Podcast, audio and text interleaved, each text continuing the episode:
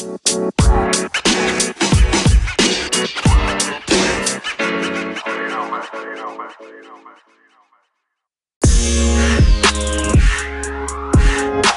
mencoba memberikan uh, sedikit perspektif dari uh, praktisi karena kebetulan di sini saya akan share screen saya sorry mengenai Zcare.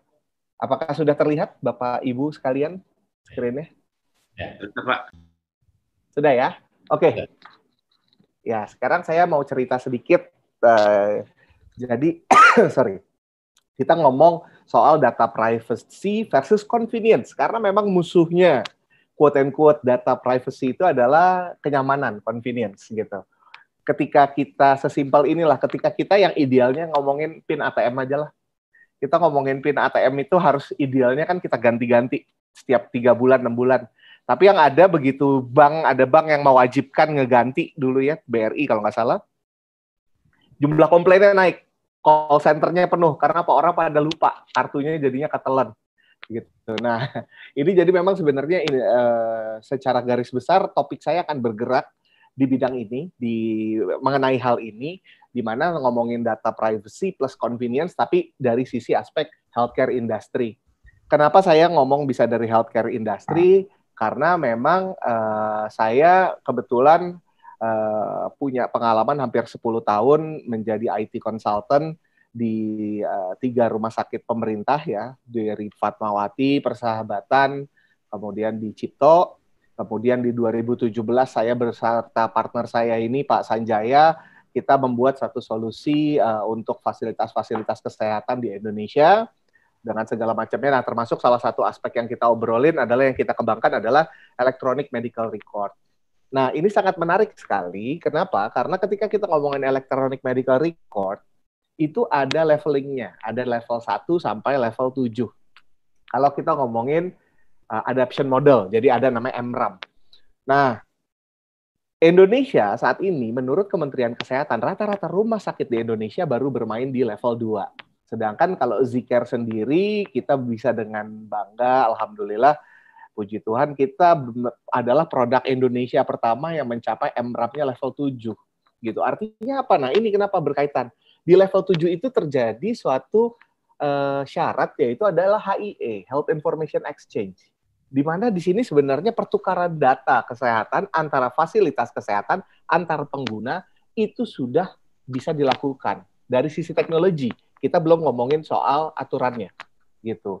Jadi di sinilah yang sekarang uh, Zcare sedang bangun gitu ya berkaitan dengan justru menginklusifkan dari industri kesehatan di Indonesia gitu. Nah, tapi ini agak-agak sensitif isunya karena ini sangat-sangat beririsan dengan uh, privacy gitu. Nah, kebetulan saya waktu honors kemarin juga ngambilnya itu topiknya juga security and privacy. Jadi sedikit banyak saya punya exposure mengenai hal ini juga gitu. Nah, kami kebetulan di 2019 itu uh, ini sedikit background diberikan uh, semacam MOU sama Kementerian Kesehatan. Jadi ketika kami klaim kami sudah mencapai level 7, kami diuji, di verified sama Kemkes dan ujung-ujungnya kami diminta bantuan untuk mendigitalisasi industri kesehatan di Indonesia. Dan ketika kita ngomong digitalisasi apa industri kesehatan Indonesia, ini sebenarnya sangat align dengan produk uh, presiden. Visinya presiden adalah satu data nasional ketika diturunkan ke Kementerian Kesehatan menjadi satu data kesehatan nasional. Artinya, pemerintah mencoba menggrasp semua data kesehatan itu di dalam uh, ekstensi dari data kependudukan. Gitu. Nah, hal ini sebenarnya bukan hal yang yang yang yang yang aneh karena kalau kita nonton film CSI gitu ya di Amerika misalnya ada mayat gitu ditemuin diambil samplingnya terus begitu dicek DNA-nya kelihatan tuh riwayat sakitnya apa, ininya apa, ini apa. Dan ini sangat membantu pemerintah. Dan ini terbukti ketika di COVID-19 menghantam, Indonesia tidak punya data ini. Dan ini menyebabkan uh, kita memang memang tidak ada negara yang sudah siap menghadapi COVID ya. Tapi kita memang awal-awal itu adalah ngomongin data, integrasi, integrasi data itu sangat-sangat di Indonesia untuk urusan data kesehatan masih sangat minim gitu. Nah, di sinilah kemarin zikir masuk. Nah, Ini juga kami jelaskan di sini ada apa namanya? Kitalah yang dikasih tugas mandat di 2020 ini kemarin sama Kementerian Kesehatan untuk mengimplementasi sistem kita di rumah sakit darurat COVID-19 yang di Wisma Atlet ini kebetulan sama ownernya Inter Milan ini yang sekarang lagi lagi sampingan jadi Menteri BUMN Pak Erick Thohir. Nah, ini data kita dipakai di Satgas tadi udah diceritakan Satgas betul. Kami adalah bagian dari Satgas ini adalah suatu tugasnya kami resmi dari Kementerian Kesehatan dan Rumah Sakit TNI Angkatan Darat untuk menggather data. Data rekam medis elektronik pasien-pasien baik yang suspek maupun yang sudah pasti yang positif confirm gitu. Termasuk alamatnya dan lain sebagainya gitu. Melalui elektronik medical record kami gitu. Nah, ini jadi kami memang apa uh, sudah MOU juga dengan Pak Doni Monardo dan kebetulan kami juga di apa bersatu lawan Covid. Kalau tadi Peduli Lindungi itu adalah produknya Kementerian Kominfo, kalau BLC ini sebenarnya saat penyatuan dari integri, integrasi dari seluruh upaya uh, apa uh, melawan Covid secara digital di Indonesia. Jadi muaranya itu bersatu lawan Covid. Gitu. Nah ini kita juga sudah implementasi dengan Kapus Kesat itu Pak Tugas waktu itu sekarang Kapus Kes TNI eh, kita implementasi di 69 rumah sakit TNI Angkatan Darat untuk mengcapture data tersebut. Gitu. Dan ini kita yang implementasi di rumah sakit apa Wisma Atlet tadi. Jadi memang tim kita turun di situ hampir sebulan kita kawal dan alhamdulillah sekarang jalan sudah autopilot gitu ya kebetulan yang isi adalah eh, dokter-dokter uh, dan TNI dari TNI Polri dan kita juga sudah report kepada Pak Kasat kemarin Pak Andika uh, mengenai apa progres selama tiga bulan sampai empat bulan kita deploy sistem kita di Rumah Sakit TNI Angkatan Darat. Nah, apa sih sebenarnya konsep yang dilakukan pemerintah ketika melawan COVID? Gitu.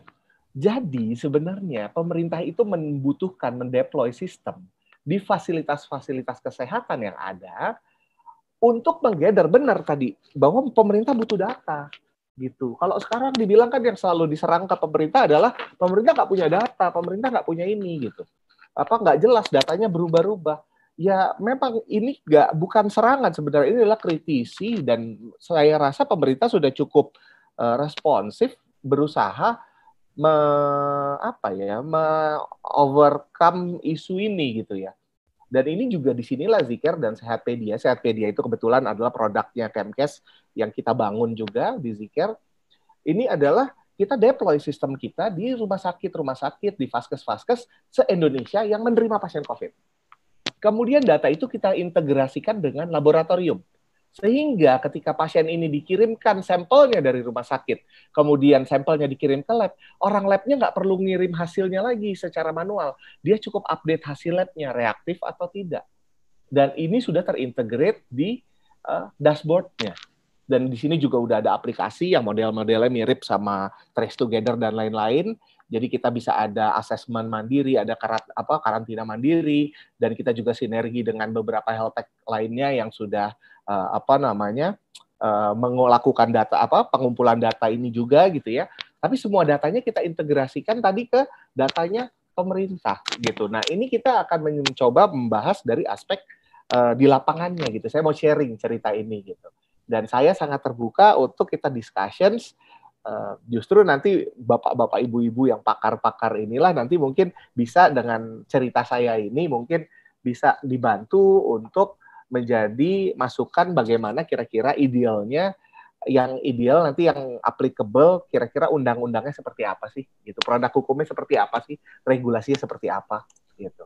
Nah sekarang kita ngomongin security privacy itu selalu ya tadi saya cerita di awal berlawanan dengan convenience itu itu sudah sunatullahnya sudah hukum alamnya gitu ketika kita harus care sama security berarti di situ kita menghilangkan convenience kita. Ada yang kita korbankan.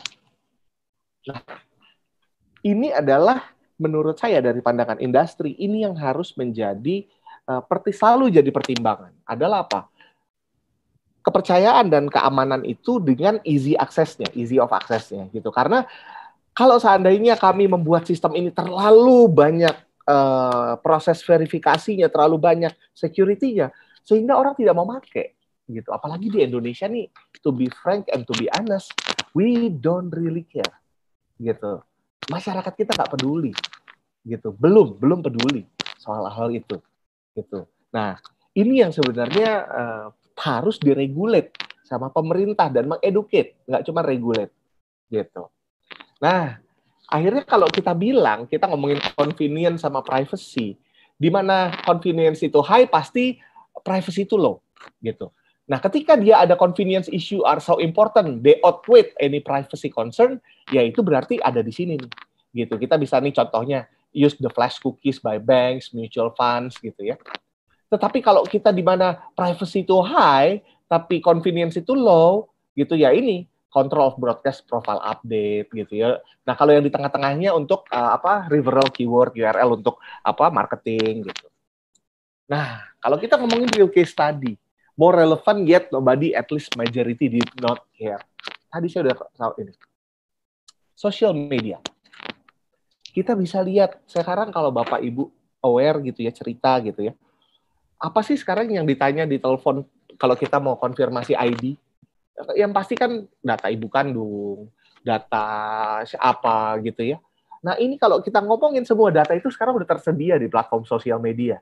So in that sense, masyarakat willingly giving their privacy ke publik. Dan ini udah menurut saya menjadi gejala yang sudah tidak bisa dibendung gitu. Nah, ini justru pemerintah dan praktisi hukum harus benar-benar cepat melihat situasi ini dan mengadap untuk menghasilkan regulasi yang bisa mengatur lah at least nggak bisa membatasi tapi mengatur mungkin ya sedikit lebih ada rambu-rambunya gitu. Nah, terus kalau kita ngomongin healthcare industry gimana?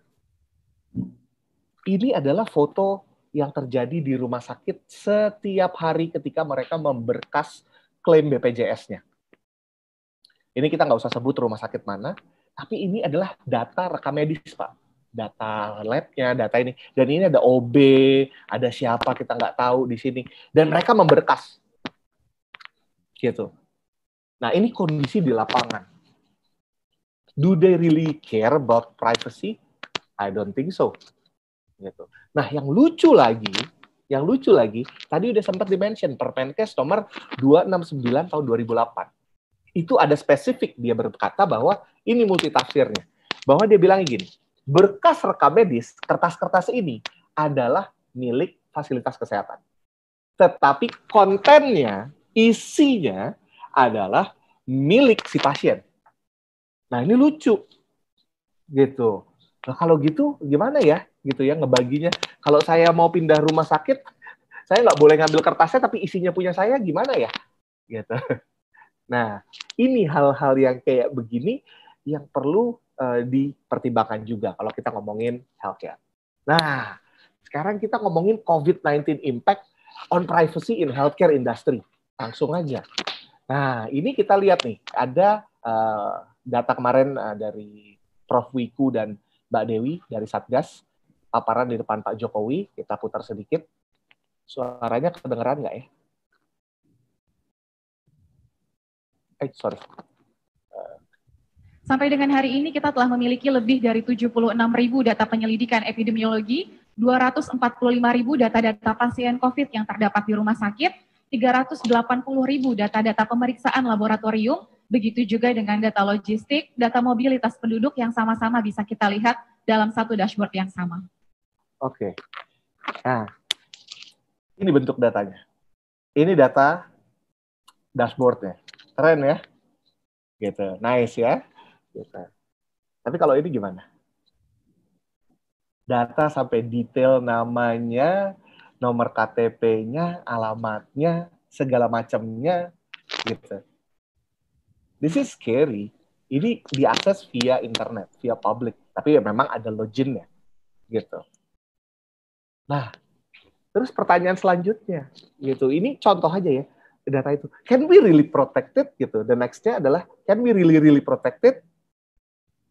Not really gitu. Karena apa? Once information itu ada di internet, ada di public, itu akan ada selamanya.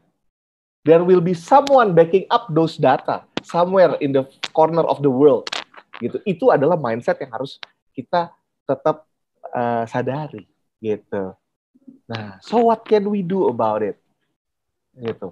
Educate the people. Ini udah banyak lah please do and don'ts-nya gitu ya. Dan saya rasa regulasi itu harus lebih banyak main di mengedukasi. Mengedukasi, menstandarisasi. Kemudian apa? Learn and adapt the standard from other more mature countries. Gitu. Jadi nggak perlu kita reinventing the wheel. Sometimes saya nggak tahu ya di Indonesia tuh sering sekali kita tuh mau bikin standar sendiri to be to be frank and to be honest lagi lagi lagi. Contoh misalnya uh, standarisasi diagnosa, standarisasi nama obat, apa ingredients. There are tons out there gitu. There are thousands of it di internet di dunia yang sudah punya data itu. Tapi kita punya kecenderungan reinventing the wheel gitu. Nah, kita ambil aja yang sudah ada dan kita adjust saja sama kondisi di Indonesia gitu. Jadi mungkin itu sih yang kalau menjadi concern dari kita di industri gitu ya, terutama berkaitan dengan perlindungan data pribadi ini gitu, karena it's inevitable. Kalau kata Thanos gitu ya, wah mungkin nggak nonton di Avengers itu, itu it's inevitable apa flood apa uh, banjir informasi ini, informasi leak ke mana-mana gitu. It's a very very apa namanya uh, it's a very very common lah itu apa di dan itu udah nggak bisa dibendung uh, gitu. Nah, selanjutnya mungkin saya juga mau menyampaikan hal-hal poin-poin yang berkaitan dengan perlindungan data pribadi yang berkaitan dengan industri kesehatan. Yang pertama berkaitan penghapusan data pribadi. Apakah ini juga termasuk turunan dari informasi yang dikumpulkan atau cukup yang apa namanya personal identifying informationnya aja yang kita hapus gitu. Karena ini sebenarnya berkaitan sama nomor dua ini juga karena diperlukan transmisi data antar lembaga untuk data yang telah dimasking atau tidak ada lagi PII-nya itu seharusnya tidak masalah. Contoh foto CT scan yang dimasking terus apa penyakit kulit gitu ya. Nah ini karena ini dipakai untuk kolaborasi penelitian baik di lokal maupun di international level gitu Nah, kemudian juga last of list data kesehatan ini cukup unik gitu. Karena apa? Contoh ngomongin soal retensi gitu. Nah, memang apa ya kayak contoh misalnya ya ini ada kasusnya paparan ab, ab, abses yang di mana kerusakan paru-paru atau kanker paru baru akan dirasakan bertahun-tahun selanjutnya gitu. Kalau ternyata retensinya cuma lima tahun, tahu-tahu baru tahun ke-6 apa 7 dia sakit, nah, record dia pertama kali mengeluh itu datang ke rumah sakit hilang gitu. Jadi ini tidak bisa dijadikan dasar gitu ya untuk untuk apa untuk apa uh, tuntutan hukum dan lain sebagainya gitu. Jadi mungkin ini tiga poin sih ketika kita ngomongin uh, perlindungan data pribadi apalagi di dunia kesehatan yang saya kira uh, kita harus bisa membalance gitu ya antara perlindungan data dengan private apa security privacy ini dengan kondisi di lapangannya gitu. Dan memang benar kami setuju sekali in terms of bahwa kayak aplikasi peduli lindungi gitu ya, apalagi yang bisa men-tracing, itu harus jelas. Jelas dalam arti kata apa? Siapa yang bisa mengakses? Siapa yang bisa apa uh, dan sampai kapan ini akan dilakukan? Gitu. Apa iya selamanya pemerintah tahu oh si JC lagi di sini, oh si Pak uh, si Raj lagi di sana gitu. Apakah iya gitu? Walaupun memang pada kenyataannya operator tele apa telco kita sih tahu ya kayaknya ya gitu. Nah, anyway gitu ini hal-hal sebenarnya uh, yang perlu uh, kita renungkan gitu dan ini menjadi apa uh, kira-kira input yang kami bisa berikan gitu ya mengenai uh, kondisi di lapangan dan efeknya setelah COVID ini gitu. Oke, mungkin itu saja Pak. Oke, kalau saya sih bukan bukan uh, akademisi ya, jadi saya nggak panjang-panjang gitu. Nah, justru kita mau menceritakan, justru mendiskusikan kira-kira uh, gimana ya gitu kita bisa meregulate ini, tapi in terms of uh, datanya tetap bisa aturannya bisa cukup memproteksi data pribadi, tapi tidak cukup apa ya mengikat sehingga ya kita teknologi nggak buat apa gitu, nggak ada gunanya jadinya gitu.